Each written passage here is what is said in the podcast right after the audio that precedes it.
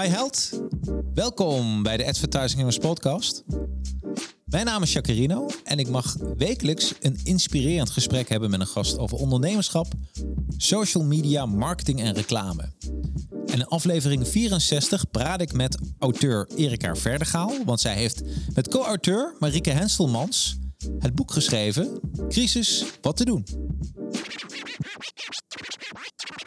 Het is een boek met uh, veel praktische tips, echt een hulp- en werkboek. En uh, ja, met al die tips word jij ja, gesleept door de financiële crisis.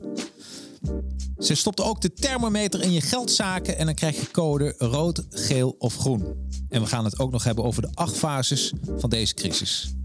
Here we go. Yeah, the advertising heroes. Let's go. Okay, the advertising heroes. Time for you to know. Help you get your name buzzing for the world. Time to show. Help create a market plan. Now it's time to get it rolling. Even you live and online courses. Yeah, yeah. Time to strategize. If you ready, let's begin. For your Instagram, Facebook, LinkedIn. Five years experience, the minimum. So they can help you step it up. Time to represent. Okay, can this ish crash? Knowledge is power. Advertising heroes, yeah, you know that they got ya. Time to take it higher, ready for whatever. Help your social media go to the next level. Uh, advertising heroes, and they ain't stopping. This ish crash? Knowledge is power. Advertising heroes, time for you to show it. Help you represent your brand. Time to be heroic, yeah. Advertising heroes, let's go. En welkom iedereen. Welkom bij uh, ja, een nieuwe aflevering van de podcast, nummer 64 alweer. Jeetje, wat gaat het eigenlijk allemaal snel.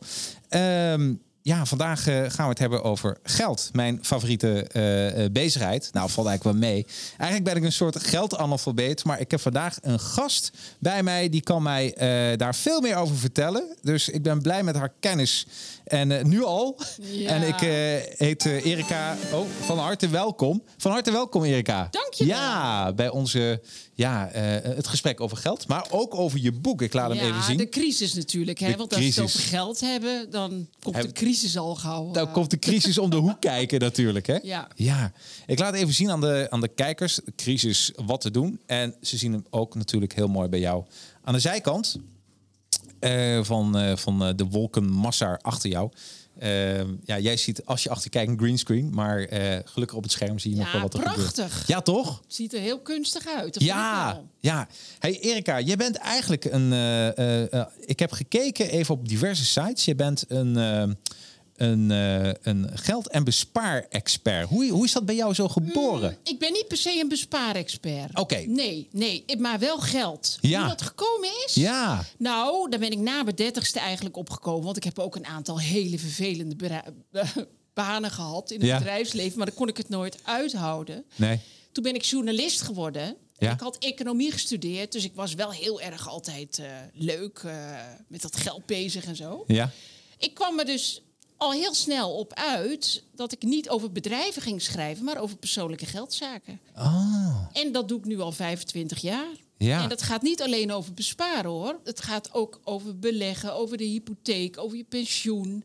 Gewoon je wel alles. of niet. Alles wat verstandig is met geld. Ja. En mensen doen niet altijd verstandige dingen met geld. Helaas. En dan komt er zo'n crisis om de hoek kijken. En dan komen de, worden de problemen pas echt groot. En daar gaan we het over hebben. Ja. Hey, we gaan, voordat we beginnen, dan uh, ik, uh, gaan we eerst even proosten natuurlijk. Ik heb meegenomen uh, een 0% afvliegum. Dus ja, ik geef jou even alvast deze. Ja, lekker. Ja, ja. Dit is het toch een beetje. We zitten natuurlijk in de coronatijd. En nou, ik heb ook al, ik heb al van die jelletjes en zo. Maar weet je, ja, ik, uh, een of andere manier. Uh, ik, ik hou me er wel netjes aan. Maar het is een beetje, een beetje onrealistisch. Heb jij dat ook? Dat is, uh, hoe zit het in Friesland? Nou, kijk, ja. in Friesland, je weet, er zijn er niet zo heel erg veel besmettingen. Nee. En dat heeft volgens mij ook zeker enigszins te maken met de volksaard. Ja. Wij, wij zitten nooit in elkaars nek te hijgen. Ik bedoel, je houdt gewoon een beetje afstand. En hooguit één kus deden we dan. Maar ja. dat doen we nu natuurlijk niet meer. Nee, nee, nee. Oh, Maar je, het je merkt het al. Het is gewoon een ander volk, die Friesen. Ja, ja. Je bent zelf eh, eh, Nou, geboren en getogen? Zoals Nee, nee, nee, nee. Ik heb heel lang in Amsterdam gewoond. Oh. Maar mijn moeder was een Friesin. Oh. Dus ik, eh, ik voel me er ook heel erg thuis. Maar ik denk dat heel veel Amsterdammers zich in Leeuwarden thuis zouden voelen. Ja. Want het is... Kijk, het zuiden, zoals waar we hier nu Ja, zitten, hè, ja. hier bij Arnhem... dat vind ik altijd wel eh heel andere cultuur. Ja. Maar Amsterdam en Leeuwarden, het is allemaal hetzelfde. Allemaal hetzelfde. Ja, ze praten ook geen Fries. Oh, Wat grappig. Hè? Je mag de microfoon echt een beetje dichterbij houden. Of eh, naar je toe bewegen. Ja, Dus je mag hem echt... eh, zo- kijk, je kan hem heen en weer bewegen. bijna natuurlijk. op, op- opeten. bedoel bijna, je. bijna opeten. Hey, even van afstand proost. Dat mag nog wel. Op een, eh, op een mooie uitzending. Ja. Want eh, wij, ja, wij hebben eigenlijk eh, vandaag een Boekreview.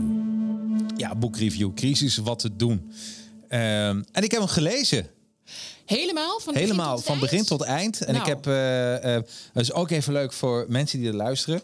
Eh, er staat op de website van Erika Verdergaal staat, en ik doe de link wel even in de show notes. Dat is misschien ook wel even leuk.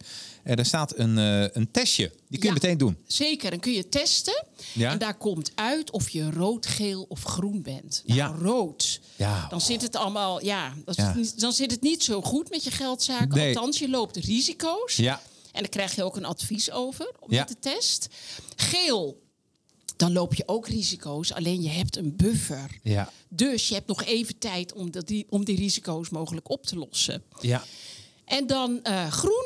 Dan zit je goed. Maar weet je wat het is met die groene mensen? Die hebben geld, maar die maken zich ook heel veel zorgen over geld altijd. Dat is, ik, ja, Dus- absoluut. En, en ook dat er heel veel kamers op de kust zijn om dat geld zo, zo snel mogelijk afhandig te maken. Dat En- schrijf je ook in je boek, hè? Ja, zeker. Dat zijn de marketeers dus. Daar hoor ja. jij eigenlijk Daar, daar hoor ik bij. Oh, wat fout. Ja, precies. Daar hoor ik ook bij. Maar je hebt natuurlijk ook in crisistijden gaan, kunnen de markten rare dingen gaan doen. De Ja. effectenbeurzen, de huizenprijzen. Ja. Dus dat zijn ook dingen die je geld kunnen bedrijven. Ja, ja absoluut, absoluut. Die hebben allemaal het boek Invloed gelezen van Robert eh, Cialdini. Ja, die heb ik ook gelezen. ja, Ja, ja. ja. hey, maar ehm, voordat we echt helemaal gaan induiken in een boek, had ik je gevraagd: wil je wat persoonlijks meenemen? Oh ja, zal ik het even pakken? Ja, pak maar even. Dus eh superleuk. Want, eh, dat- Nou, dat- ja, Ik, toen je het vroeg, Ja? zat ik aan mijn bureau. ja. En ik keek naar beneden en ik zag dit. Oh, dit is een Casio. Ja, oh, ja, maar ja. het bijzondere hieraan is... Ja? niet dat ik altijd zit te rekenen, wat ik natuurlijk wel vaak doe. Ja. Het bijzon- bijzondere hieraan is dat ik deze Casio voor mijn opleiding gekocht heb toen ik 17 was. Oh. En dat is dus 41 jaar geleden. Wauw. Dat ding is nog perfect. Ik heb hem volgens mij ook nog thuis. En ik gebruik hem bijna elke dag. Echt hoor, deze Nou, dat Casio. vind ik dus. Dus dit eventjes als soort tegenhanger ook tegen de consumptiemaatschappij. Sommige dingen zijn heel goed. En het is heel fijn om iets te hebben wat het altijd blijft doen. Nou, we hadden het net voordat je binnenkwam over retro. Hè? Ja. ja. Ja, dus hier staat ook letterlijk op mijn eh, kantoor, dat wil je niet weten, staat een, eh, misschien als je inzoomt, eh, tenminste kijkt naar Ja, de zie hem. YouTube-kanaal, dan, dan zie je links van mij bij de rode stoel, zie je een, een oude tv staan. Nou, oud van 2001 en daaronder is dan een MSX van 1983. En ah, zelfs nog een videorecorder, dus... Ja, ja, weet je, dat is ook leuk. Heel veel dingen. Heel leuk. Ja, heel veel dingen. En, dat, en soms kun je weer dingen teruggrijpen naar je jeugd. Dat je denkt van, eh, dit is gaaf. Ja, precies. Maar vooral dit. Ik, ik vind hier mooi aan. Ja. Kijk, we kopen natuurlijk een hoop spullen. En iedereen koopt een hoop onzin. Ja. Mensen gaan verhuizen, smijten die keuken van de vorige bewoner er meteen uit. Is altijd het eerste wat ze doen. Dan komt er zo'n bak voor de deur. Ja. En dan wordt dat er allemaal uitgesmeten. En dat, ik denk dat het... Ja, het is ook gewoon helemaal niet goed voor het klimaat. Ook Nee. niet goed voor je portemonnee. Nee. Voor je het weet zit je in de financiële stress. En dat moet je helemaal niet willen. Dat, dat wilde ik eigenlijk ook een beetje zeggen. Ja. Met deze 41-jarige Wat oude goed. rekenmachine. Ik weet nog wel dat wij hem hadden. En het eerste wat je natuurlijk deed is lol keer twee. Misschien... dat, eh, Heb je dat ook gedaan? of Oh. Nee, nee, niet? nee, nee, Oh. Wat kwam er ook weer uit? Ja, hihi. Als je hem omdraait. Nou, dat soort dingetjes. Dus als mensen daar nog mee spelen, ja, dat is eh Casio. En had je, ik had snap, je bent geen rekenwonder. Nee, ik ben geen, nee, nee, nee, ik keek alleen maar hoe kunnen we hem nog grappig gebruiken voor andere zaken. Hè? Dat is. eh hey, ja, wat ik heel leuk vond in je boek trouwens. ik zeg al een, een citaat. van, van iemand. Ik zeg al jaren dat Erika minister-president moet worden. Zo niet, dan graag minister van Financiën. Ja, maar heb jij ambities daarin of niet? Nee, nee, niet. Nou, nou, Nou, kijk, toch wel heb- een beetje, Nou, ik heb ja. wel eens een eh, gedacht. Ja. Er moet een ministerie van consumptie komen. Gewoon of voor of partij voor de consument. Ah. Omdat ik het. Ja, we zijn verzeild geraakt in een consumptiemaatschappij. Ja. We willen eigenlijk een kenniseconomie worden hoor. Ja. Maar dit is gewoon een consumptiemaatschappij. Want de helft van het bruto nationaal product komt puur uit consumptie. Ja. Wij moeten spullen kopen en consumeren omdat anders de economie niet meer draait. Dat Nee. betekent minder overheidsinkomsten, minder inkomsten voor de bedrijven. Ja. En dat vind ik eigenlijk... Ja, het is toch niet van een hoog niveau, vind ik. Ik Nee. bedoel, dat zouden we toch uiteindelijk op moeten lossen. Ja. Al die troep moeten wij maar in huis halen en weer Ja. wegsmijten. En dat is toch raar? Ja. Kunnen, kunnen we dat niet anders doen? Nou, dus, Zodat eh, iedereen niemand meer schulden maakt en heel gelukkig wordt. en ik geen boeken meer over geld hoef te schrijven. Nou, ik ben heel blij, want heel veel van mijn klanten die zitten meer in de ervaring business. Dus dat je ervaringen Ja. Ik heb één paintballcentrum erbij, dat is puur een ervaring. Ja, klopt. Een sportschool is op zich ook een ervaring. zeker. En wat dacht je van mijn trainingen? Dat, zijn, dat is ook ervaring. Ja, dat zijn diensten. Ja. Diensten zijn dat. Ja, de commerciële diensten. Ja, ja. En, en ik denk dat eh, helemaal mee eens hoor. En ook eh, of lekker uit eten gaan. Hoe leuk is dat? Ja, nee, dus- precies. Je en- hebt ook heel veel eh, zaken die, de, die, die zeg maar de, ehm, het milieu minder schaden. Ja. Maar wel goed voor de economie zijn. En ik vind dat het daar meer naartoe moet bewegen. Ja. Omdat ik ook denk.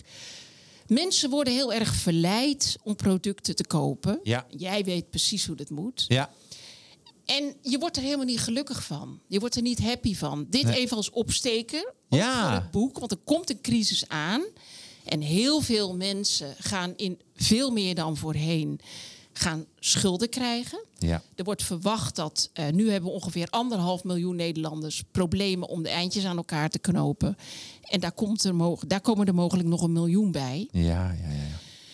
Ja, dan moet je toch op een of andere manier oplossen. Ja. Meer inkomen is niet altijd mogelijk. Nee. Eh, dus wat blijft er dan over? Heel goed kijken naar de dingen waar je wel invloed op hebt. En dat zijn je uitgaven. Nou, helemaal mee eens. En volgens mij is de beste investering die je kan doen. En, eh, eh, maar dat is altijd zo, is de investering in jezelf. Zeker. Hè? Want, oh ja, want dat is altijd goed. Want Ook, dat is, Ja. dat is en, en dat zie je, dat ben ik helemaal mee eens. En Ik denk dat, zou dat psychologisch gezien, als je investeert in jezelf, dat daar ook de meeste geluk vandaan komt? wat bedoel je met investeren in jezelf? Nou, bedoel je opleiding? Ja, opleiding, maar het kan van alles zijn. Het kan zelfs eh, een lekkere massage bewijzen van. Ja, maar- Hè? Dus, dus eh, puur het investeren in. Investeren in jezelf kan ook betekenen dat je je spaarrekening of je beleggings, eh, eh, beleggingsrekening spekt. Ja, ja, is dat kan, ook. ja, dat kan ook. Maar gewoon investeren in jezelf. Dat is. Ja. hey, en als ik even kijk van. de crisis is vanaf maart eigenlijk begonnen hè, door het Ja. hele corona. Ja.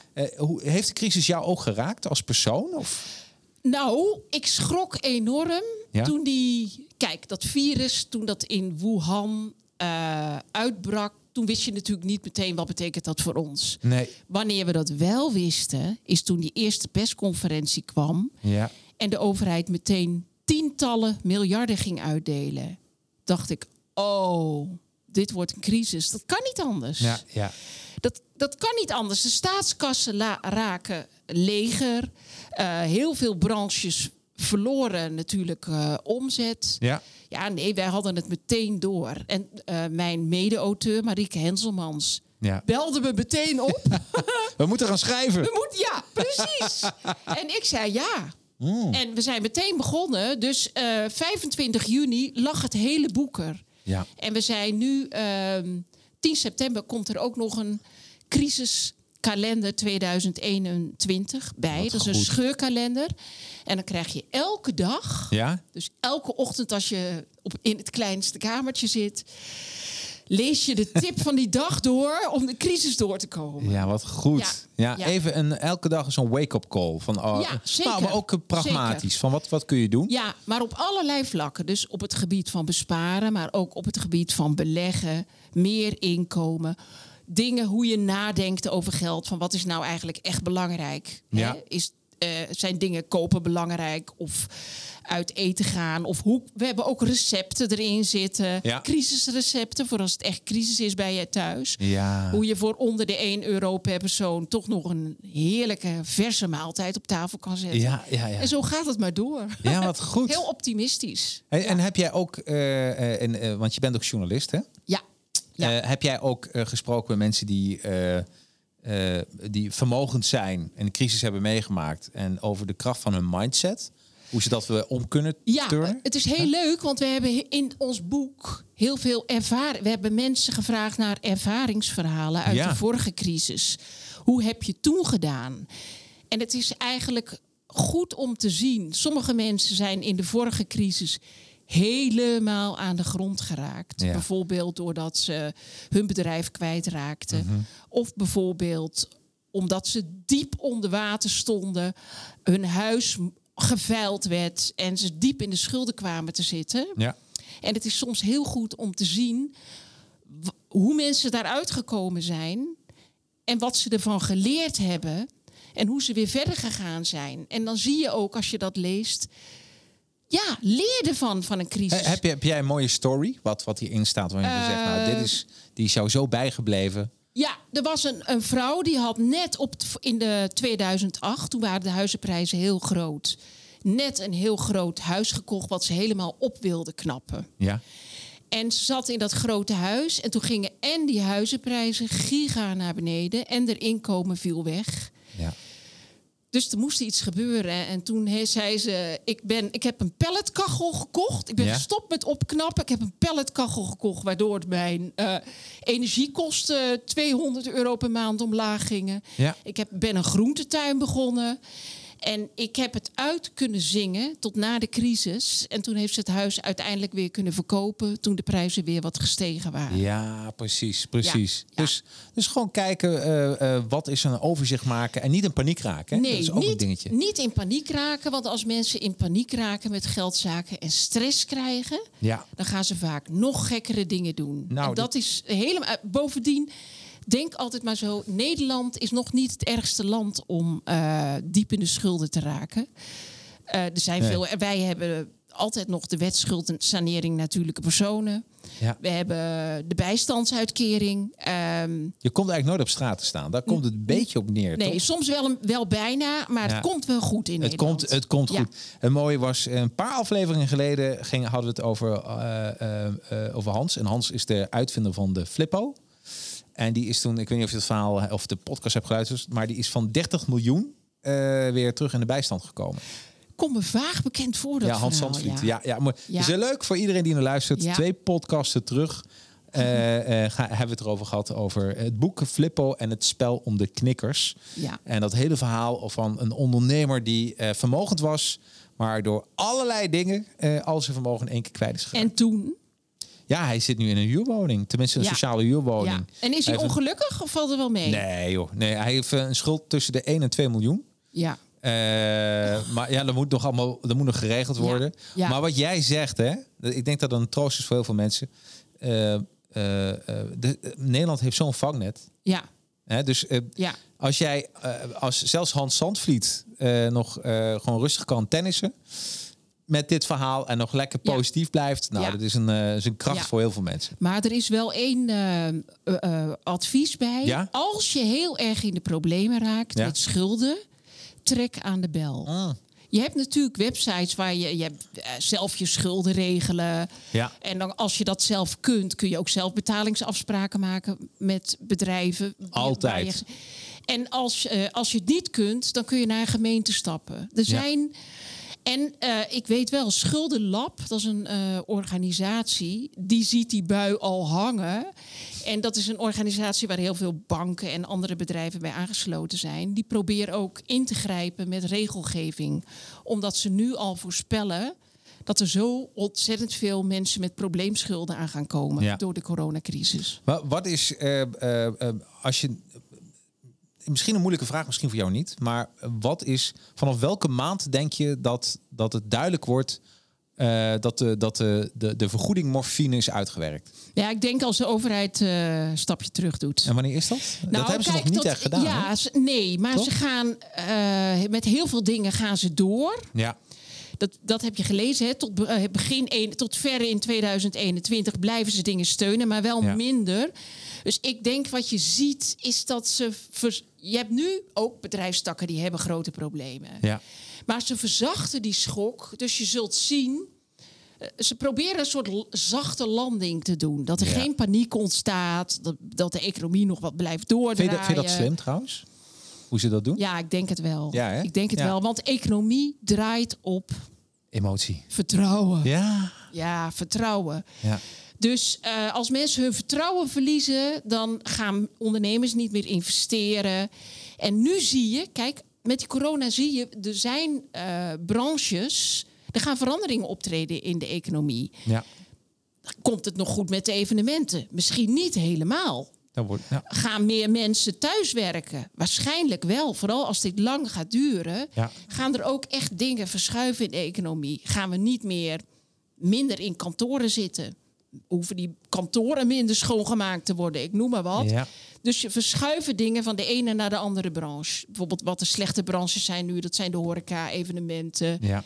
Ehm, eh, die moeten dan straks blijkbaar terecht in de zorg of in, de, in het onderwijs of in de techniek. Daar heb je Ja. tijd voor nodig. Die mensen Ja. moeten omgeschoold worden. Dus daar moet de overheid eigenlijk mee eh, aan de slag. Daar ga ik natuurlijk niet over. Wij gaan eh, ook met ons boek altijd over wat kun je zelf doen. Ja. En eh, daar hebben wij natuurlijk ook allemaal tips over in ons Ja, boek. super. Ik heb echt genoten. En ik, Dat eh, je, ja. ja. je, moet, je moet echt kijken wat. Zijn Wat er kan? nog andere manieren om, om mijn geld te verdienen? Ja. Ja. die zijn er. Maar dan moet je nu wel gaan ingrijpen. Ja, nou weet je, is een mooi voorbeeld. Even een persoonlijk voorbeeld. Toen in maart begon met, met de coronacrisis, had ik een paar campagnes lopen die werden meteen stopgezet, of tenminste gepauzeerd. Ik wilde eigenlijk een Q4 met eh, Academy bezig, Q3, Q4. Ik dacht, ik trek dat even iets naar voren, want dat, daarvoor was het gewoon een onderdeel van mijn bedrijf Advertising Heroes. Maar ik dacht van, ik maak er gewoon een apart bedrijf van, tenminste een, aparte, eh, apart merk, Academy. En daar ben ik mee begonnen. En, eh, en wat, heel, wat ik denk wat heel veel mensen en ZZP'ers nu slim doen, ze zeggen: oké, wij willen ook dingen nu zelf leren. Hè? Dus, en dat kan dan met Academy. En ik geloof dat dat, dat mensen nu ook eh, ja, op die manier gewoon wijzer worden. En als het dadelijk weer druk is, dan, eh, dan kan mijn andere bedrijf dat werk wel weer overnemen. Maar ik geloof wel dat, dat je een verschuiving krijgt hè, van diensten. Zeker wat jij nu doet, hè, Ja. die podcast bijvoorbeeld. En Ja. digi- alles wat digitaal kan, volgens Ja. mij, ja, weet je, mensen eh, veranderen natuurlijk heel, heel moeilijk. Ja, Maar volgens mij gaat het die kant natuurlijk, daar krijgen we een zet, daar krijg jij een zetje mee. Ik zag mijn eh, podcast eh, en letterlijk, ik zag mijn podcastluisteraars vanaf februari er omhoog schieten. Ja, En dat is heel raar, want ik heb niets anders gedaan dan anders. Eh, maar mensen gaan dan toch, ja, zullen ook kijken wat is er nog meer. En misschien dat ze thuiswerken, dat ze. ja. dus, ja. Ik denk dat, de, want dat geldt voor mijzelf persoonlijk ook Ja. als ZZP'er, de belangstelling daarvoor neemt toe. Ja. Ik zat ook altijd te, te denken, wat doet die Jaccarino met die podcast? En Waarom doet hij dat eh, nou? ja, maar wat, wat leuk ook eigenlijk, want dat wil ik ook wel. Ja, ja, ja, leuk, En ja. ik kan het nog niet. Nee, nou ik ga er trainingen in geven in Q3, dus dat is ook leuk. Ja. Ja, ja. maar dit is wel zo, weet je. Dat is, Ja. eh, eh, Ja. ja. want ook als je columnist bent, er kan nog meer. Je hoeft Ja. niet alleen te schrijven, je kunt ook eh, iets, iets op YouTube zetten bijvoorbeeld. Ja, nou, eh, wat, wat ik nou eh, heel lekker vind, ik heb nog een, een podcast erbij. dat is Wax On, Wax Off. Dat is geïnspireerd op Karate Kid. Eh, heb je die film ooit gezien trouwens, Karate Kid? Nee, nee, Nee. nee, ik zit niet. Ik zit niet helemaal in jouw interessegebied. Nee, eh, Karate Kid eh, is een film en op een gegeven moment moet iemand dan allerlei bewegingen doen. En als die gecombineerd wordt, dan, dan kan die karate. En nou, dit doe ik even heel kort Oh, hoor. Maar en, daarvoor moest ik al mijn verhalen gaan bloggen. Ja. Tenminste gaan schrijven. En wat er nu letterlijk gebeurt, dat ik denk van... Maar soms kan één ideetje, hoef je hem binnen te krijgen. En dat je denkt van, hé, je zit een heel leuk verhaal in. Dan ga ik letterlijk achter mijn microfoon zitten, achter mijn mengpaneel. Ik neem het op en het wordt meteen geüpload. Oh ja. Dus het time to market is super snel. Ja. Ja. Ja. En eh, nou, dat is wat anders dan dat je een blog moet maken, schrijven. Dat je alle spelfouten er nog even moet halen. Dat je nog een keer naleest. Dus eh, Ja. ja, je, En dit is zo'n tijd van verandering. dus mensen die nu hun omzet zien zakken, ja. Ik denk die moeten ook eigenlijk zo'n verdienkansenlijst maken. Van ik Ja. kon dit, maar wat kan ik nog meer? Ja, je moet heel een positief. plan B, C, D, E hebben. Gewoon. Ja. Dat je denkt, ja, als mijn inkomen wegvalt, tuurlijk kun je nog meer. Ja. En je kunt ook nieuwe dingen leren. ja. Ja, daar hebben, daar hebben wij het dus ook over in ons boek. Want Ja, dat ik- is ook een kant. Dat gaat niet in één maand. Ja. Hè? Besparen kan, kan vaak meteen. Ja. Maar meer verdienen, dan moet je gewoon toch Dus moeite voor investeren. doen. Ja, joh, ja. Ja. Weet je, eh, 100% En iedereen die zegt dat eh, als je nu een training volgt en morgen verdien je geld, dat is flauwkul. Want eh, alles, het is, het, is, het is bijna een boer. Hè? Je bent een akker aan het eh, omploegen, je gaat inzaaien en dan, ja, en op een gegeven moment ga je oogsten. Maar tussen dat zaaien en het oogsten, ja, daar gaat wel tijd overheen. Nou, wij hebben trouwens met ons boek ook Ja. iets gedaan wat ik nog nooit gedaan had. Ja, dat zei al, ja. Wij hebben het. eh, het is best du- duur voor twee journalisten om een boek te laten drukken. Ja. Terwijl je niet weet wie het gaat kopen. Dus we hebben een crowdfund-actie eh, georganiseerd. Hoe op leuk voor de kunst.nl. Ja. Nou, ik vond het wel een leuke ervaring. Vooral omdat er zulke leuke reacties op kwamen. Ja. En je hoeft dan niet bij zo'n crowdfund-actie, geef je iets terug. Hè? Ja. Je vraagt wat geld en dan zeg je ja, maar dan krijg je het boek. Of je krijgt het boek en de kalender. Of, of we doen een lezing bij jou. En eh, daar is, dat, nou, dat is echt super gelopen. Oh, als je, als je nu, eh, om mensen even te inspireren, er zitten nu ook mensen thuis die denken van een leuk idee is van Erika. Hoe gaat dat in zijn werk? Je moet je daarvoor journalist zijn of Nee. Eh, nee, wat, Nee, wat, nou ja, je hebt, heel veel, je hebt heel veel crowdfund-platforms natuurlijk. Maar Ja. wij hebben het gedaan via Voor de Kunst. Want dan kun je ook boeken doen. Ja. Wij zitten natuurlijk niet... Dat is niet zo'n super commerciële hoek. Oh, dus hij moet niet heel commercieel zijn bij voor de kunst. Dat denk ik. Nee, Ja, ja, ja. nee. Het is toch meer. ehm, kijk, bij- als je bij zo bij voor de kunst is het zo. Als je als je dan geld geeft, moet je iets terug doen. Mhm. En als je het streefbedrag niet haalt, krijgt iedereen dan ook gewoon zijn geld weer terug. Heel veilig. Dus mensen die lopen ook geen risico. Het is geen investering of zo. maar ook in coronatijd kan voor de kunst failliet gaan of niet? Nee, nee, Nee, voor nee. de kunst krijgt een percentage. Die krijgt Oh, 7% van wat je oh. binnenhaalt. Dus, Dus, eh, geen risico. Bij deze geen risico. Maar in ruil daarvoor helpen zij jou. Ja. Ze helpen jou om eh, met, met hoe moet je dat doen? Hoe moet je de mensen benaderen? Wat goed. Zou je niet zus of zo? Ja, ik vind dat wel heel erg leuk. Voor, maar jij hebt ook heel veel andere crowdfund platforms. Ja. Daar weet ik niet alles van hoor. Nee, nee, nee, nee, Ja. nee, nee. Maar wat leuk. Dus als iemand nou een idee heeft, ga even naar voor de kunst. En als je idee heel commercieel is, typ even Google crowdfund in, crowdfund boek. En ik weet zeker dat er dan wel wat hits komen. Ja, vast en zeker. Ja, toch? Ja, Nou, je dat moet dan wel een boek schrijven natuurlijk. Hè? Ja, ja, nou, hoe heb je dat gedaan? Had je het boek al geschreven voordat Nee. je crowdfund nee, ging doen? maar wij schrijven allebei al vijf. Marieke en ik schrijven al allebei 25 jaar Ja. over geldzaken. Ja. Ik heb, ben columnist van het Financiële Dagblad. Dus ik zit meteen over die hele crisis elke week een eh, column te schrijven. Ja, Ik, heb, ik heb duizenden dingen geschreven. Dus als ik, ik. 2012 was mijn laatste boek. Ja. Dit is mijn dertiende boek trouwens. ja. Ja, ik heb natuurlijk heel veel kennis, materiaal. Eh, Je moet zo'n boek. Wij bespreken dan samen van waar gaan we het over doen. Ja. Nou, we hebben die testen bij gedaan, die ook online kan doen. Ja. Mensen moeten het ook echt kunnen doen. Hè? ja.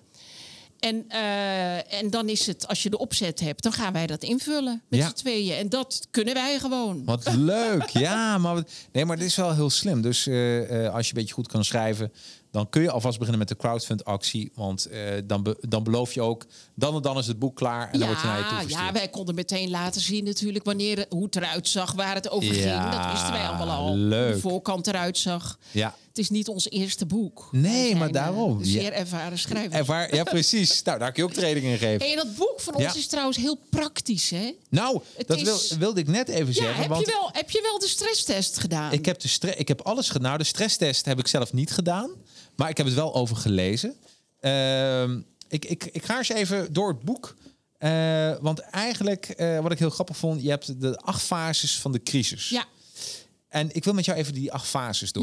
Ja. Want de allereerste is Weet je, weet je ze uit je hoofd? Of zal ik even helpen? Nou, ik nou, kan- de eerste weet ik nog wel. In de in fase 1 gaat alles nog heel goed. Dus iedereen blij. De hele dag aan het kopen, uitgeven. Lekker leven. vieren. Lekker leven. Ja, precies. Dus even, Ja. we gaan het even officieel doen. Even kijken hoor. Fase 1 is lekker leven. Lekker leven. Dus niks, geen veldje aan de lucht. Geen veldje aan de lucht. Nou, fase 2, Even, even wachten hoor. Fa- fase, fase 2. de zwarte zwaan. Ja, de zwarte zwaan. Ja, Wat is dat? nou, ik, ik weet niet of mensen dat kennen, maar er is een heel beroemd boek. Dat heet De Zwarte Zwaan van Nicolaas Taleb. Ja. Dat is de, in de vorige crisis is dat een beroemd boek geworden. Eh, Een zwarte zwaan. Vroeger wisten ze in Europa niet dat er zwarte zwanen bestonden. Want die had je alleen in Australië, geloof ik. Nou, kan ernaast zitten hoor. Ja. En dus ze dachten dat zwa- zwanen altijd wit waren. En toen ineens zag iemand een zwarte zwaan.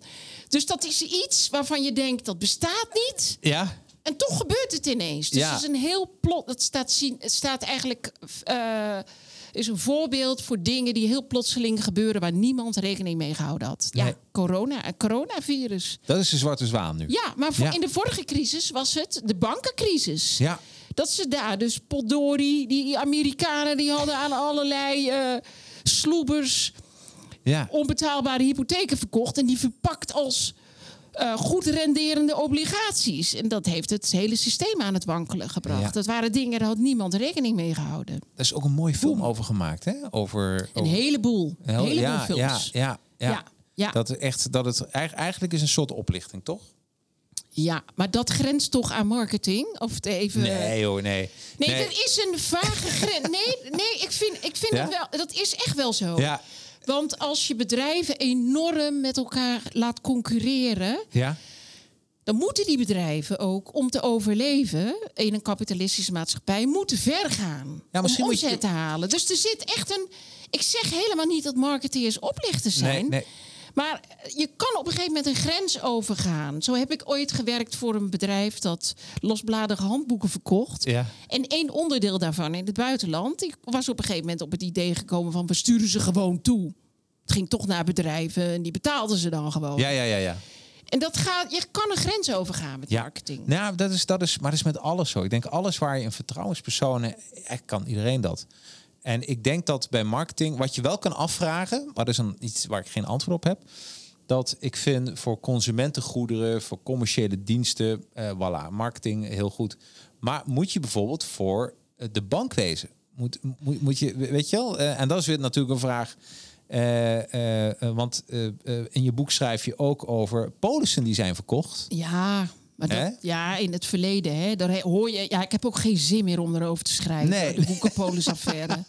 Nee, nee, maar dat betekent ook. eh, De, Ja. daar, ik kan me voorstellen dat je dan Ja. vraagt van dan ga je een, ethische grens over. Ja, Maar- absoluut. Want daarmee werden mensen geruineerd. Het was niet zomaar een tv van Nee. 300 euro of zo. Nee. Het was gewoon, het ging om tonnen. Ja, ja. En, en, ja, heel veel mensen, dat is het erge. Dat is eigenlijk nooit he- geheel opgelost. Alleen degenen die zelf heel hard aan de, aan de bel hebben getrokken, die zijn gecompenseerd. Maar de heel veel mensen worden, zullen nooit gecompenseerd worden. Nee, nou, dus de vraag is van, eh, moet je, maar dat is weer, moet je zulke, eh, eh, sommige bedrijven, ehm, mo- mo- moeten die in die marktwerking mee, ja of nee? Dat is, dat is natuurlijk ook een goede vraag. Nou, kijk, de regels daarvoor zijn inderdaad aangescherpt. Ja. Maar het is eigenlijk altijd. eh, Farmaceutische industrie is ook zoiets, toch? ja, absoluut, absoluut. Daar zit ik minder in. Ja. Maar dat is ook vaak dat je denkt: kan dit allemaal wel? Ja, nou ja, weet je, dus ik, ik, ik ga met je mee. Ik denk dat eh, overal waar eh, marktwerking bij is en ehm, ehm, eh, mensen. En, en dat is wel zo. Als, en je voelt als bedrijf zijnde ook, gaan we nu een bepaalde grens over? Of niet? En eh, ja, ik zeg zijn we heldhaftig? Advertising is gebouwd op helden, hè? We noemen elkaar ook helden. ja, maar het is wel is een soort ethische code wat je hebt. Ja, Hè? maar i- ik, eh, kijk, ik schrijf heel, alleen maar over geldzaken. Ja. En voor mij hoort daar ook bij, daar heb ik al heel veel columns over Ja, ja, ja. geschreven, welke eh, slimme trucs er allemaal worden gebruikt om jouw dingen te laten kopen. Ja, En eh, ik vind dus eigenlijk ook dat consumenten veel meer moeten weten over marketing. En Ja. al die gedragseconomische onderzoeken. Ja. Die al sinds de jaren 60 van de vorige eeuw worden gedaan. Die Ja. worden eigenlijk alleen maar benut door bedrijven. Ja. Ik vind dat, dat we dat op school moeten leren. Ja, Gewoon, ja, ja. van Waarom hoe niet? word je bespeeld? Ja, Ja. waarom? Ja. Nou, weet je, ik denk ook, en dat is ook een beetje mijn wereld natuurlijk, dat alles wordt transparanter. Ben ik, daarom ben ik zo blij ook met, eh, met social media, maar meer hoe we met elkaar communiceren. Want ik merk wel dat de, de echte omzet voor ondernemers, des te transparanter je bent, des te beter het eigenlijk is voor je bedrijf. Uiteindelijk denk ik wel. Ja, tuurlijk. Want tuurlijk. als je het. ehm, ja, als je mensen een poot uitdraait. Ja, daarom. En als het aan het licht komt, dan ben je natuurlijk verloren. En, en tegenwoordig komt het heel snel aan het licht.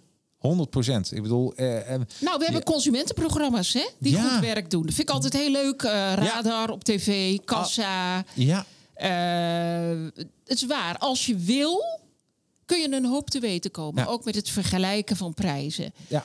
Maar dat neemt niet weg dat we natuurlijk toch een hoop rommel kopen. Ik bedoel, huizen puilen uit van de spullen. ik, eh, ik denk niet dat je daar meer happy van wordt. Daar Nee. ben ik van overtuigd. Nee, nee Ja. alles gaat om ervaringen, wat je ook schreef in je boek. Hè? Dat, je, dat dat fijn is. En eh, dat je die ervaringen, dat je beter kan investeren in ervaringen dan in, eh, in spulletjes. Ja, dat zou kunnen. Toch? Ja, ja, tenminste, dat heb ik gelezen in je boek. Nou, niet helemaal. Ik heb er wel in. ge- Dat is Ja? iets dat je. Ja, ik snap wel wat je Ja. bedoelt. Ik heb er ook in gezet. Investeren in jezelf. Bijvoorbeeld Ja. in een opleiding. Ja. Ja, daar, ben je helemaal, dat, dat, daar heb je helemaal gelijk in dat je dat bedoelt. En dat kan ik alleen maar toejuichen En natuurlijk, dat vind Erika. ik beter dan een nieuwe bank. Ja, nee, absoluut. Ah, nee, absoluut. Hey, eh, alhoewel dat soms ook lekker kan zijn als ze, als ze veer er doorheen gaan, hè, dan is dat. eh, Oh, wat ik ook. Oh ja, dan hebben we natuurlijk nummertje. eh, ik pak hem er even bij. Nummertje drie. Oeps, de economie. De economie. Ja. De economie draait op vertrouwen, dat zei ik al. Dus als er iets heel plotselings gebeurt, zo'n zwarte zwaan, dan gaat alles wankelen. Ja. Dan gaan bedrijven ook vaak denken: zullen we wel? Zullen Ja. we wel investeren? Moeten we dit wel doen? Consumenten die worden, en dan zie je het consumentenvertrouwen dus dalen. Een groot deel van het consumentenvertrouwen dat is ook van zijn wij nog bereid om grote aankopen te doen? Mhm. Ja, en dat als mensen dat minder bereid zijn, dat beïnvloedt bedrijven weer. En zo kunnen we met z'n allen in een dip raken. Ja. En daar is nog wel wat leuks over te vertellen. Als we met z'n allen in een dip raken, dan zie je vaak ook dat aandelenmarkten heel heftig reageren. Dat Ja. is aan het begin van de coronacrisis ook gebeurd. Prijzen van aandelen gingen boom naar beneden. En, maar dat is nu trouwens eh, weer heel Ja, ja, erg ja. omhoog. Hoe dat zit, in ieder geval, we zijn weer optimistisch. Maar met huizenprijzen gaat het altijd anders Ja. Huizenprijzen, die, eh, dat zag je in alle vorige crisis zo'n beetje. Ja. Die zakken nooit patsboom zoals een aandelenbeurs dat kan. Dat duurt heel erg lang. En dat is ook logisch. Huizen zijn van mensen. En als mensen hun huis verkopen, mogen ze zelf de prijs bepalen. Dat duurt een eeuwigheid voordat het gaat zakken. Dus je zag ook in 2008 brak de kredietcrisis bij ons uit. En dan ging het heel langzaam zakken, die huizenprijzen. En in 2013, vijf jaar later, werd een bodem bereikt. Ja. Dat zag je ook in de vorige huizenmarktcrisis. Dat was eind jaren 70 Ja. of begin 80, wil ik vanaf wezen. Duurde het zelfs zes jaar tot de huizenprijzen helemaal naar beneden gingen. Persoonlijk denk ik, ja, met al die schulden, ontslagen, minder inkomen, mensen, meer mensen in de WW, minder mensen met inkomen, die ZZP'ers die werk kwijtraken. Ja. Denk ik, ja, het kan toch wel zijn dat de huizenprijzen op den duur weer wat gaan zakken. Dat is ook wel iets om rekening mee te houden voor Ja. de consument. En maar ik zit even. Ik weet nog wel dat eh, toen eh 9/11 was en dat Bush eh, een eh, persconferentie hield. En toen werd hem gevraagd: ja, hoe kunnen we hiervoor stoppen dat, dit, eh, dat we echt een economie, eh, economische crisis belanden? Hij zegt: jullie moeten gewoon gaan kopen. Ja, ja, dat zeggen ze altijd. Maar, is er, maar zit er niet een kern van waarheid in? Eh, Kijk, ja, je- nou, er zit zeker waarheid in. Kijk, Ja? als je het feitelijk puur... Als wij, wij moeten blijven consumeren, wij moeten kopen... want dan blijft de economie draaien. ja, precies. Ik heb er geen moeite mee als je heel veel geld hebt. Nee. Maar als je geen buffer hebt... en eh, je zit krap of je verwacht dat je krap komt te zitten... ja, dan moet je daar natuurlijk niet aan meedoen. Nee, nee, nee, nee, nee, nee. Want, ja, maar zo simpel is het. Ja. Toen, in de vorige crisis... Ja. Toen heeft Balkenende toen ook gezegd van eh, dat per ongeluk gezegd van we moeten maar eh, kopen. Nou, er waren eh, Nederlanders behoorlijk beledigd over, omdat heel veel mensen krap zaten. Ja. Dus dat, daar moet je heel voorzichtig mee zijn. Hey, en als je, als je kijkt, hè, we hebben het even over krap. Die definitie gebruiken we dan even. Hè, wat Ja. is krap? Ehm, eh, bij, als je geen crisis hebt, hè, wat is het percentage dat mensen krap zitten in Nederland? Nou, momenteel zijn er al 1,5 miljoen mensen. Ja, momenteel die in de heel- crisis. Ja, nee, nu, Nu. nu. Die moeite hebben om de rekeningen te betalen. Nee, dat, dat is 8 Moeite hebben. Hoeveel is dat? Eh, Nou, er zijn 12, ho- 12 miljoen volwassenen. ja? Dus dat zijn anderhalf miljoen van de 12 miljoen volwassenen. Ja, Die hebben dus bijna moeite. 10 procent. En er zijn trouwens eh 7 miljoen of 7,5 miljoen huishoudens. Ja. ja. Nee, het is 20 procent. 20%. Oké, moeite. 20. Het ging dus over de huishoudens. Ja. Die hebben moeite om de rekeningen te betalen om rond te komen. Daar komen er een miljoen bij Ja. volgend jaar. Dat staat eigenlijk, dat is voorspeld. eh, en dat Dus is een beetje een derde zou je kunnen zeggen dan? Ja, dadelijk? dan wordt het een derde. ja toch? Ja. Ja. Het schijnt trouwens zo te zijn dat in de grote steden zoals Amsterdam nu al een derde moeite heeft om rond te komen. Ja, ja, ja. Hey, is dat ook een verschil tussen, ehm, eh, tussen provincies of stad en platteland? Of dat nou, een heel groot verschil zijn de woonlasten. Oh, enorm, Ja, ja, ja, ja, enorm. Ja, ja. Maar bijvoorbeeld een patatje bij de Febo, die eh, is hetzelfde, kost hetzelfde bij ons. Ja, is- ja. En de Albert Heijn kostte ook hetzelfde. Ja, ja, dat maakt precies. niks uit. Nee. En wij hebben ook al die ketens hoor in Leeuwarden. Ja, ik ken Leeuwarden best goed. Dus, eh, nee, maar eh, maar als, je, als je daarnaar kijkt, betekent in je boek schrijf je ook. Alle crisissen gaan voorbij. Dat is het Ja. goede nieuws. Deze Ja. gaat ook weer voorbij. Ja. En, dan gaat het, en dan begint de cyclus weer opnieuw van die acht fasen. ja, zeker. Dus eigenlijk zeg je van, eh, eh, eh, voor als jij in die percentage zit, krap, ja, volg dan even wat de rode adviezen op, noem ik dan even. Zeker, ja. En zorg Ja. dat je zo snel mogelijk naar geel komt en van geel Ja, naar groen. en van geel naar groen. Zeker. Hè? Dus En van een crisis kun je natuurlijk een hoop leren. Ja. Mits je ingrijpt. Hè? Ja. Mits je denkt, ja, inderdaad. En je fouten erkent en, en probeert eruit te komen. Want dan kom je eruit. echt Ja, ja, ja, ja. En vooral in Nederland. Dus ook weer eh, lekker positief, toch? Hey, dan gaan we even naar eh nummertje... Oh, die is ook mooi. Nummertje vier. Dus lijken uit de kast. Ja, ja, nou ja, dat zie je nu. Eh, Dat zie je lijken uit de kast. Dan zie je als er een crisis uitbreekt ineens van... oh, wat klopt er niet? Bijvoorbeeld. Ja. Ik geef voor de vuist weg voorbeelden. We komen erachter, oh, schuldhulpverlening schiet nu al tekort. Nou, straks helemaal. Ja, omdat er Mondka- zoveel is. Mondkapjes Ja. waren ineens, dat hadden we niet. Terwijl de Finnen, die hadden daar hele pakhuizen vol liggen. Die dachten altijd al, als er wat gebeurt, dan eh, moeten we wat op voorraad hebben. Wij hadden niks. Nee. Ehm, we hadden nou, heel veel dingen moeten gewoon. Ja, een- andere bottleneck was natuurlijk op de IC's. Ja, het was iets nieuws. Dat. Ja. hadden we nog nooit meegemaakt. We hadden Nee. ook geen vaccins tegen dit. eh, we hadden er überhaupt nooit aan gedacht. Nee. En dat we elkaar ook niet ja, eh, aan elkaar mochten zitten. Dat was natuurlijk ook een domper. Het kon allemaal niet meer. Nee. Dus ja, er komen de problemen aan het licht. Alles wat wel normaal vonden, dat kan ineens niet meer. Nee. Zou eh, eh, eh, eh, ehm, deze crisis, en dan financieel gezien, eh, zoals handen schudden. Hè? Jij kwam net binnen, ik gaf geen hand. Want ja, dus deze, deze geval doe je dat niet. Ja. Ik doe nog net geen Japanse goed naar je. Want dat zitten mensen ook te denken. Misschien Oh, hoe nu- ziet dat eruit? Nou, dan moet je gewoon staan en even zo, zo knikken Oh, naar oh, je. dat is wel eh, leuk ja, eigenlijk. Ja, dus misschien Ja. moet ik voor een keer wel Japans gaan groeten. Dat zou ook kunnen. Dat is wel eh, leuk. ook. Maar weet je, nu hebben we nog even niets. Hè? We zitten nou gevuld in de leegte. Ja. Dus mensen, experts denken dat dat handen schudden eh, eh, een beetje tot de verleden tijd gaat behoren. Ja. Zoals ook in Japan. Ja. Ja, want die doen dat niet meer door, Ja. inderdaad, door alles wat ze hebben meegemaakt. Ja, dat zat ik ook te denken. Dat weet ik dus niet. Ja, ja, nee, maar die, door al die eh, virussen wat zij hebben meegemaakt en ziektes, daar schudden ze elkaar geen handen meer, maar doen ze even zo. Ja. Dus ik zit mij af te vragen, zou er ook een soort blijvend iets kunnen zijn in de financiële wereld? In de financiële wereld. Ja. Dat je zegt, nou, dit, dit, dit Ja, gaat- zeker. Ik denk dat we veel meer digitaal gaan betalen. ja, En dat het dus een, misschien wel een boost geeft aan die, eh, die financiële start-ups. Die heb je. Hè. Je hebt van die, Ja. di- eh, open, van, die, van die banken zoals Open Bank en 26. Die proberen allemaal een poten aan de grond te krijgen. ja, ja.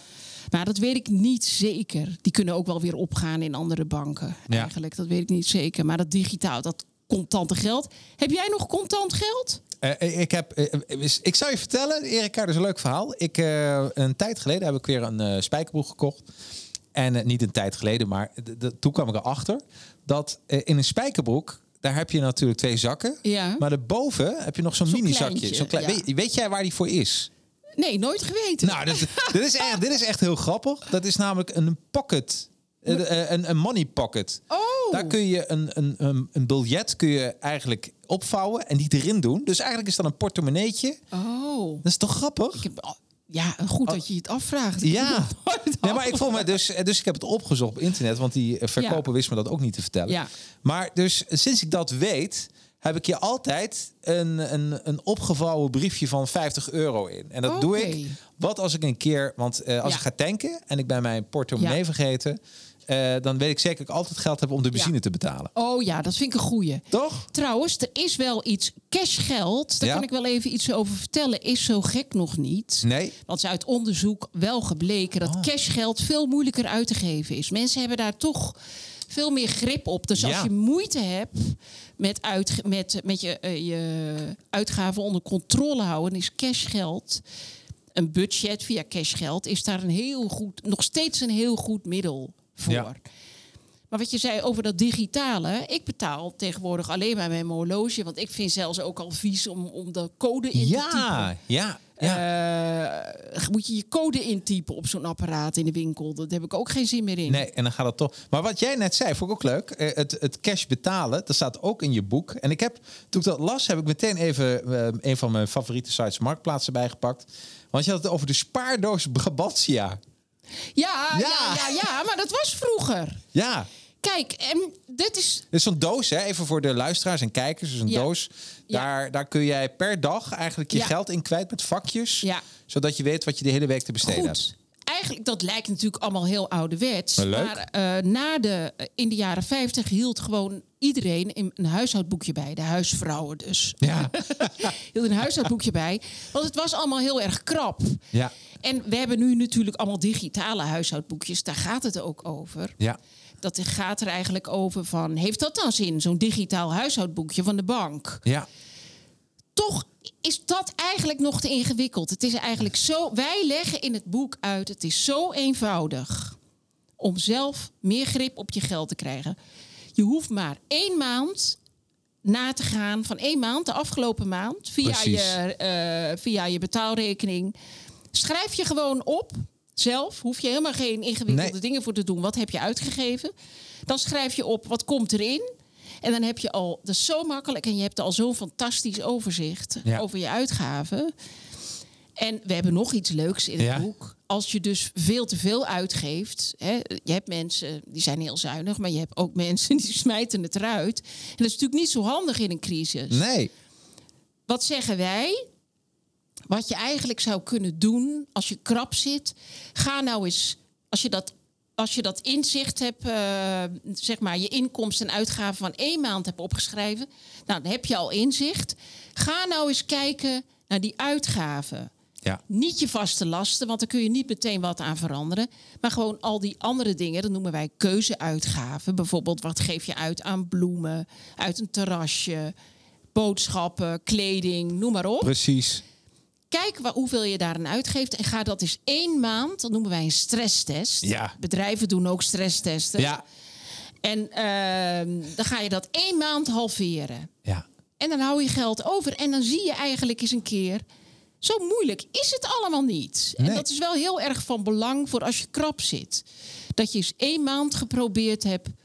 eh, wat gebeurt er nou als ik eens een keer wat minder heb? En als je dat één keer gedaan hebt, dan moet je doen. Niet alleen maar lezen. Doen. Ja, ja, ja, absoluut. En dan ben je voorbereid. Dan ben Ja. je voorbereid op dat het een keer tegen zit. Nou, ik, ik zat dit te lezen, want ik ben natuurlijk reclameman en marketeer. En ik zat bij die Brabantia te lezen. Ik dacht, als je, hier moet je een actie van maken. Ja. Een spaardoos Brabantia, Ja. dat is toch leuk? Ja, zeker. Dat Vind je niet? Samen met een bank. Ja. nou, ik vind dat, ik weet zeker dat wordt een hit. Ja, leuk. Ja. Ik denk want- dat een goede van jou. Ik had je al een goede tip willen. Ik had ook willen vragen aan je. Heb je een goede tip ja, voor ik denk, eh, ja, hij staat wel in je boek, maar ik vind die spaardoos Brabantia vind ik echt briljant. Omdat Ja. Eh, eh, ik vind het ook heel slim om iedere week gewoon even geld te pinnen. Dan te zeggen, dit hou je even aan de kant. En, en hiervan ga je boodschappen doen. Helemaal niets mis mee. hey, goed idee. Brabantia, spaar. Brabant, Nou, ja. precies. Ja, dat was het merk, En dan gaan we de hè? mensen op een eerlijke manier overtuigen om... eh, Hey, maar het is wel heel erg leuk. Ja, Kom op mensen, kom op met ideeën. ja, dat Ja, vind ik ook. Maar wij kunnen mensen, eh, bedrijven ook benaderen. Ja, tuurlijk. Maar ik weet zeker, dit is... Hey, dan gaan we naar eh, nummertje eh, vijf. Angst, winnaars en Ja. verliezers. Ja, ja. Op een gegeven moment, dat, dat weet ik uit de vorige crisis, dat is nu nog niet gebeurd, omdat die inkomens worden ondersteund. Ja? De angst heeft onder ondernemers wel een beetje hoor. In, natuurlijk in de, bij de evenementen en in de Ja. horeca. Bij heel veel mensen heeft de angst nog niet echt toegeslagen. Nee. Bij de kredietcrisis was dat wel het geval. Mhm. Toen gingen er allemaal, ook nepnieuws hoor, eh, deed de ronde over dat het hele geldsysteem van de westerse wereld zou in duigen Ja, vallen. ja. We moesten goudstaven kopen, et cetera. Toen werden de mensen heel erg bang. Ja. Dat is nu nog niet. Dat voel je, dat is nu nog niet zo echt gebeurd. Maar als er straks heel veel werklozen komen. En eh, kijk, er zijn altijd mensen die willen ervan profiteren. Mm, Er wordt nepnieuws soms ook de wereld ingestuurd. En dan kan er angst ontstaan. Ja, ja, ja, ja. En dat ja. is echt, eh, als, als mensen bang zijn Ja. van hé, het gaat allemaal mis, eh, de economie gaat onderuit, ik raak mijn baan kwijt, hoe kom ik rond? Dan, eh, dan gebeurt. Want ja. je schrijft ook dat er dan wat even met je, met je hersenen gebeurt. Ja, kun je daar iets over vertellen? Wat gebeurt er met je hersenen als je bang wordt? ja, als je bang wordt, kijk, we hebben natuurlijk een, een systeem wat ons waarschuwt. Stel dat je een krokodil tegenkomt, hè? dan moet je hard rennen. En dan komen er natuurlijk allemaal stoffen vrij die zorgen dat je dus heel snel kan vluchten. Maar als je dus over je geldzaken zit te tobben, Ja? dan heeft dat vluchten geen zin. Dus dan zit je misschien wekenlang te tobben en dan komen toch die stoffen vrij. En dat is heel erg slecht voor je lichaam. Ja. Cortisol komt er Kort, dan veel ja, te uit veel je vrij. bijnierschors, hè? Maar ja, ja. dat schrijf je. En ja. Als je ook heel veel stress hebt en veel schulden, dan kun je ook helemaal niet meer goed nadenken. Er is wetenschappelijk onderzoek naar gedaan dat je IQ dan wel 20 punten kan zakken. Ja, ja Dus je bent wordt zelfs, ja, dan wordt dus zelfs een, een heel intelligent iemand wordt toch gemiddeld of zelfs heel dom. Ja. Ja, en, en dat is gewoon, daar moet je rekening mee houden. Dat is niet goed. Nee. Dus ja, je moet toch zorgen dat je die angst, dat je die de baas komt. Ja, je schrijft een boek helemaal aan het einde ook eh, dat je een survivor moet zijn. Een survivor, dat is een oplossing voor heel veel dingen. Ja. Ja, je hebt twee soorten survivors. Hè. We hebben Ja. de ondernemers. Ja? Daar heb ik echt wel bewondering voor. Hoor. Ja. Van die mensen die ondernemen, helemaal aan de grond komen te zitten. Ja, ja. En er dan toch weer optimistisch tegenaan gaan. Dat vind ik echt hartstikke knap. Maar je hebt ook consumenten. Mhm. Zijn, eh, zijn survivors. Dat zijn mensen die eigenlijk heel weinig geld hebben. Maar die perfect rondkomen. Die ook daar heel happy mee zijn. Ja. En eh, dat, daar hebben wij ook diverse voorbeelden van. En dat is eigenlijk wel een troost voor mensen die weinig hebben. En ook misschien niet meer erbij kunnen krijgen. Er is echt een manier in ons land om dan toch heel fijn te leven. Ja. En het kan wel. Ja, je moet dan tuurlijk. natuurlijk niet het geld eruit smijten. Je moet dan heel bedachtzaam met een eigen systeem. En je moet ook niet ehm, last hebben van schaamte. Van oh, ze denken zeker dat ik arm ben. Als je dat. Schaamte zorgt ook vaak voor veel ellende hoor. al 100% Hoe, denkt de bu- hoe denken de buren Ja, over mij? ja. Hè? Dat is Nou, een dan, beetje. dan ben je bijna verloren. Ja, dan ben je verloren, inderdaad. Ja, ja. zonde ook, vind ik. Ja, Gewoon lekker je eigen gang gaan. Precies. Ja, dat vind ik helemaal mee eens. Dan hebben we het over, eh, ja, dus eh, eh, nummertje 6, opportunisme. Ja, ja, ja, ja, dat vond ik heel mooi. zijn altijd mensen, je ziet ze nu al, dus die Ja. fases spelen ook wel een beetje door elkaar. Ja. Je ziet nu extra veel oplichters. Ja. Die weten, er is onzekerheid, mensen zitten over die corona in. Ehm, en mensen zitten misschien ook in over, moet ik nog sparen? Want die rente gaat omlaag, mede door de coronacrisis. Ja. En dan proberen ze toch, al dat soort triggers worden door oplichters gebruikt. Ja. En ook bijvoorbeeld bitcoins, dat gaat nu heel erg omhoog. Of dat blijvend is, weet ik niet. Maar er wordt natuurlijk wel gebruik van gemaakt om dat lekker te hypen. Ja. Net als goud. Ja. in de vorige crisis ook, is de goudprijs, vond ik enorm gehyped. Er kwamen ook, mensen gingen mij dat toesturen in de vorige crisis, van die YouTube-films van wel een uur. Ja. Waarin je dan helemaal geïndoctrineerd werd van het gaat mis met het geldsysteem, alles gaat fout, je moet goud kopen. Ja. En achteraf denk ik toch, ik vond ze werden nooit om afgetiteld van wie dat gemaakt had.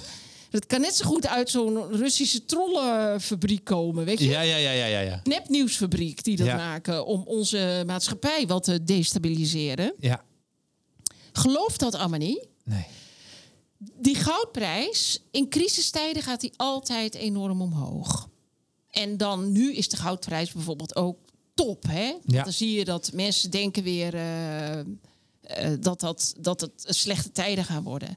Maar als het weer beter gaat, dan gaat de goudprijs ook altijd weer omlaag. Dus zorg nou dat je niet op de top inkoopt, want dan kan het wel weer eens een keer tien jaar lang eh, gaan dalen. Ja. Nee, maar dat eh, bitcoins. Dat is dat Ja, hoor je iedereen over. ja, Wat, hoe, ja, hoe kijk jij naar bitcoins, Nou ja, hoe ik naar bitcoins kijk, ik vind het, iets, vind het een heel raar fenomeen. Ja. Maar je ziet, de markt werkt op vraag en aanbod. Er is blijkbaar heel veel vraag naar Ja. en eh, weinig aanbod. Dus eh, de prijs gaat omhoog. En, Is er niet een eh, zeebel die dan gaat eh, dat spatten? kan, dat kan. Ik, ik vind bitcoins een extreem raar fenomeen. En het wordt ook heel veel door criminelen gebruikt hè, voor transacties. Dat Mhm. vind ik toch al een beetje een... Maar ja, je kunt natuurlijk...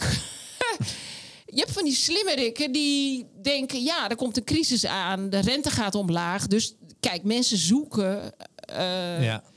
Naar dingen waar je nog wel in kan beleggen. Dus die, je hebt van die slimmerikken die denken, nou, het gaat wel een tijdje omhoog, dat goud en die bitcoins. Die weten ook wel dat het omlaag gaat. En misschien zijn ze onderhand alweer eh uitgestapt. Ja. En hebben ze een leuk ritje meegemaakt. Dat Ja. weet ik niet. Ik vind het een beetje waaghalzerij. Als je dat gaat doen met geld... wat je eigenlijk voor je pensioen nodig hebt bijvoorbeeld... Mhm. is dat helemaal niet verstandig. Het is niet een ges- bepaald gespreide belegging. Het is Nee. alles of niks. Net als in Ja. het casino. Eh, je hebt ook verstandige manieren van beleggen. Hè? Dat Ja. je bijvoorbeeld je risico spreidt over bedrijven over de hele wereld. Bijvoorbeeld in een indexfonds. Wat in 2500 eh, bedrijven belegt. Dat kan ook. Dan ga je ook wel omhoog en omlaag. Maar Eh, maar het is gespreid. En als er één bedrijf failliet gaat, heb je daar niet zoveel last van. Is een leuke aanrader als mensen ooit wat willen, een iets leuks willen lezen over bitcoins. is een boek dat heet eh, De Bitcoin Miljonairs. En het is van de Winkelvosbroers. En dat, die, die, twee, die tweeling Ja. is bekend geworden omdat zij het originele van, eh, idee van Facebook hebben bedacht. En dan een Zuckerberg hebben gevraagd op de campus van kun je dit voor ons uitwerken? Toen dacht eh Zuckerberg, dit is zo'n goed idee. Ik hou het voor mezelf. Is nog een rechtszaak geweest, afgekocht. Eh, daar hebben die een paar miljoen meegekregen, de Winkelvorsbroers. En op een gegeven moment zijn ze bij het nieuwe goud gekomen. De bitcoin. Hebben En- ze die ook bedacht? Nou, ze, nou, ze hebben niet bedacht, maar zij hebben het groot gemaakt. Zij zijn een beetje het gezicht geworden Ja. van de bitcoins. Van op een gegeven moment eh, kwamen ze er. Want het rare van de bitcoin, dat vind ik dan weer heel interessant. Dat degene die het bedacht heeft, dat is een fictief figuur. Ja, dat weet ik. Dat is toch Ja. bizar? Ik bedoel, Ja. dus eh, hoe eng is dat niet? Dat, ja. Dan- een beetje conspiracy. Maar dat denk ik van, iemand heeft een systeem bedacht die niet bestaat. Ja. En iedereen loopt er achteraan. Ja. En zou er niet in die code iets kunnen zitten wat... eh, Tuurlijk, alles kan. ja, Dat weet ik niet. Dat vind ik ook een beetje conspiracy Ja, tuurlijk, tuurlijk. Maar gewoon, Maar- je voorstellen, de basis dat Nee, jij... maar het hè? is, een, het is wel iets wat gewoon verzonnen is. Exact. En dat krijgt heel veel waarde. Maar dat is op zich niks nieuws. Want, Maar dat die persoon gewoon niet kunst bekend is. bijvoorbeeld, Ja. eh, eh, een schilderij van... Dat is, dat, ja, het is de markt die dat doet. Ja, maar, maar, het een- wordt ook gehyped, uiteraard. Nou, wat ik, wat ik raar vind, hier, wat ik persoonlijk raar vind, toen ik het boek las, maar ik ben geen expert, hè. Eh, maar toen ik het boek las, ik dacht van, hé, er is een hele systeem boven die bitcoin gebouwd, hè, waar iedereen, waar nu echt miljarden doorheen gaan. ja.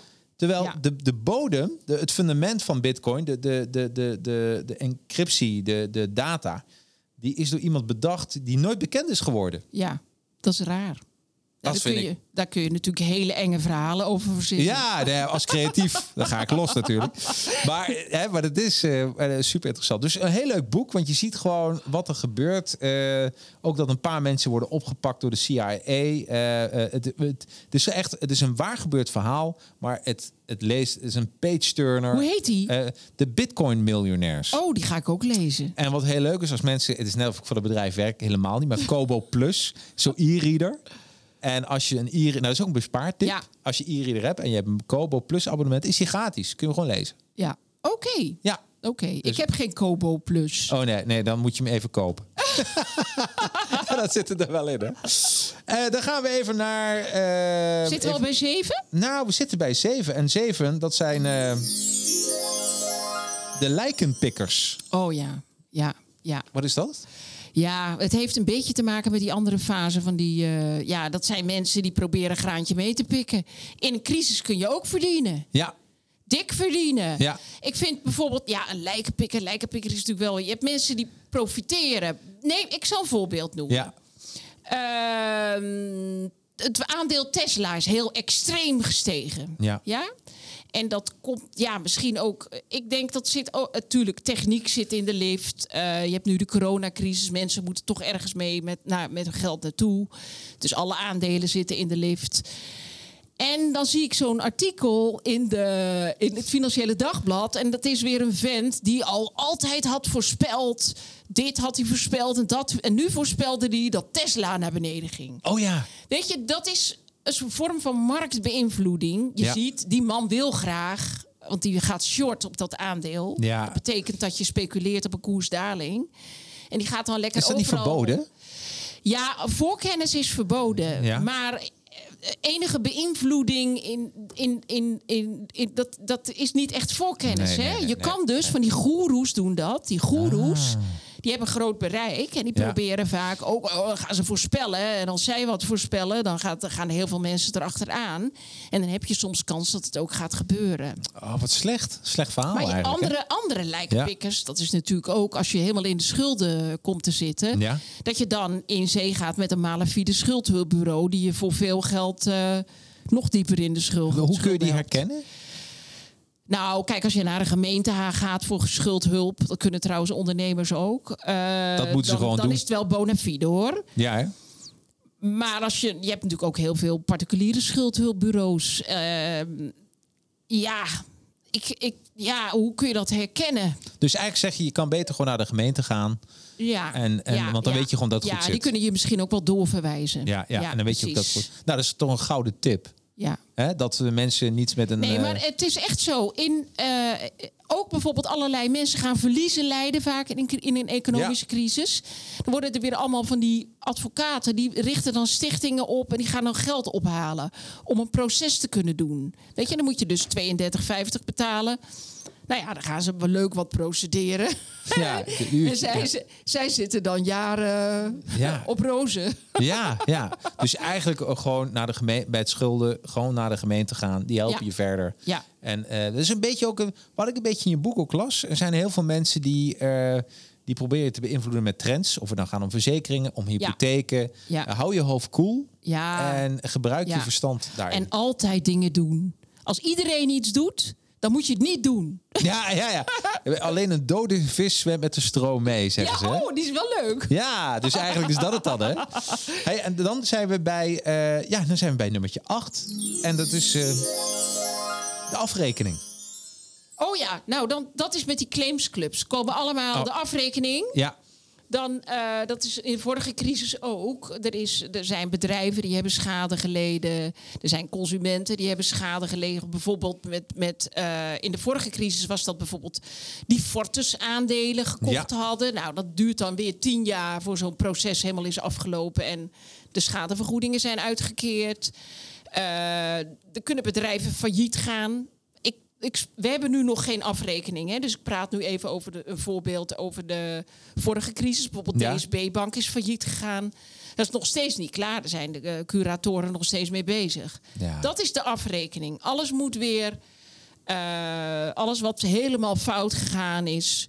moet goed gemaakt worden. Er moeten nieuwe regels komen. De overheid denkt dan, oh ja, dat was dan toch niet zo handig. Dat we zussen, ja, dat kunnen we nu nog niet voorspellen. Nee. Maar volgende keer gaan we dan alles beter doen. En dan gaat het helemaal lukken. en dan komt er Ja. weer wat nieuws. Ja. Nou, ik zou je vertellen. Ik heb, want dat vind ik echt. Dus een, je boek is, de uur is alweer bijna voorbij. Is alweer voorbij. Ehm, en wat ik zo leuk van dit gesprek vind, want het is een heel pragmatisch boek. En die afase zit echt een beetje in het begin van het boek. Maar eh, eh, ondertussen hebben we ook heel veel andere dingen wel besproken. Maar dit boek is zo leuk omdat er lijstjes in zitten. Je kan ze ook invullen. Het is echt een werkboek. Je kan Ja. een pen erbij Ja. doen en invullen. Ehm, daarbij, als je naar de website gaat van erikaverdergaal.nl, ik zet de, de URL in de show notes, dan, eh, dan staat er heel duidelijk bij de stress, eh, tenminste de, de, de, de Test je- thermometer. Ja, test je crisisbestendigheid Ja, test, ja, precies. Nou, daar klik je even op. Dan, eh, en het is eh, allemaal anoniem. Je hoeft geen e-mailadres eh, in te leveren. Nee, dat is ook fijn. nee, ik doe helemaal niks Nee, met... nee, eh, nee, dat is even met de data vind ik ook wel even fijn dat, dat mensen dat weten, dat je niet gevolgd wordt. Maar uiteindelijk, als je die test hebt gedaan, kom je uit op code rood, code geel, code groen. En wat leuk is van die test, want ik heb hem op verschillende manieren al ingevuld. En je krijgt ook steeds anders, andere adviezen, dus die krijg je meteen erbij. Ja. Ja, Ja, dat is leuk. En eh, meteen eh, dat je de boek kan bestellen. Dus eh, ook heel leuk. Dus ik zou zeggen, om al deze dingen... Want we hebben maar een stukje besproken van het boek. Ik denk dat we echt een drie uur, minimaal een drie uur... Ja. durende aflevering kunnen maken. 10 september komt er een kalender. Ja, nou, daarom. De crisiskalender 2021, die sluit daar perfect op aan. En dan word je het hele jaar Ja. word je begeleid door de crisis... om daar financieel heel huids doorheen te komen. En mensen kunnen ook het boek winnen. En ook de kalender trouwens, of niet? Een pakketje? Oh, Maken we een kunnen pakketje we doen? van? Ja. Dat is leuk, Ja. toch? Nou. Nee, we doen er twee. Eén, eh één krijgt de kalender en of bedoel je allebei samen? Ja, dit is leuk. Eén de kalender en de andere boek. Ja, precies. Eh, en eh, dan moeten we eigenlijk een hashtag bedenken. Wat zullen we doen? Hashtag... Crisis wat te doen? Ja, crisis wat te doen. Hashtag crisis wat te doen. En als je dat eh, de komende week voor volgende week vrijdag aangeeft... en dan praten we over 4 september. Voor vrijdag 4 september, dan eh, maken we in de uitzending bekend... wie eh, de kalender en het boek heeft gewonnen. Ben ik wat vergeten, Erika? Zeg je van, nou, Jacques, dit valt me toch een beetje tegen. Dit had je toch wel even moeten benoemen. Nou, de kalender is ook in de boekhandel verkrijgbaar. Nou, bij deze. En, de boek, en het boek ook. Het is allemaal eh, Nou. heel officieel. Nou, helemaal officieel. Helemaal, helemaal goed. Hey, hartstikke leuk. Ook nogmaals bedankt voor je komst. Heel graag gedaan. Ja, ik vond het superleuk. En ook voor mij als geldanalyseet. Ik heb heel wat opgestoken. Dus ja, heel helemaal. En we weten dat we eerlijk marketing moeten bedrijven. We hebben zelfs nog een eh, marketingactie bedacht. Ja. Dus hè, ook nog. Ja, Bedankt, toch? hè? Ja, Hey, tuurlijk. Ja. Advies van de professional. Ja, precies. En, eh, en eh, alle, tegen alle marketeers, marketingbedrijven is een mooi vak, is een ambacht. Maar wees wel heldhaftig in wat je doet. Precies. En als je investeert, investeer in jezelf. Ja. Toch? Ja. Goed advies. Nou, en volgende week eh, mag ik eh, Paul Moers. eh, dat, is on- dat is een marketingman. Paul Moers is echt een marketinggoeroe. En die heeft een boek geschreven en het heet Fuck de Prijs. ja. Nou, daar weet ik niet of ik fuck mocht zeggen, want er is dan een sterretje tussen de F en de C. Ja. Maar ik denk het wel. Jawel. Toch? Ja, dus niet dat de mensen, dat ik al, mensen allemaal afhaken en zeggen... Jacques, wat zeg je nu allemaal? Nee, dat, volgens mij mocht ik dit zeggen. Nou, voor de rest, eh, jij bedankt Erika. En Heel ook graag gedaan. jullie kijkers, luisteraars. eh, tot volgende week. Ja, bedankt voor het luisteren van deze podcast. Nou, ik zou het echt geweldig vinden... als je deze podcast een aantal sterren of een review zou willen geven... via je podcast-app. En volg mij ook via social media. Volg Advertising Heroes op Facebook, Instagram en LinkedIn. Of knikt gewoon met mij via LinkedIn. Zoek op Jacarino. Ik ga het even spellen voor je. J-A-C-A-R-R-I-N-O. En zet in de connectieverzoek dat je hebt geluisterd naar de podcast. Nou, ik voeg je dan direct toe. Nou, maak er een heldhaftige week van. Hoi!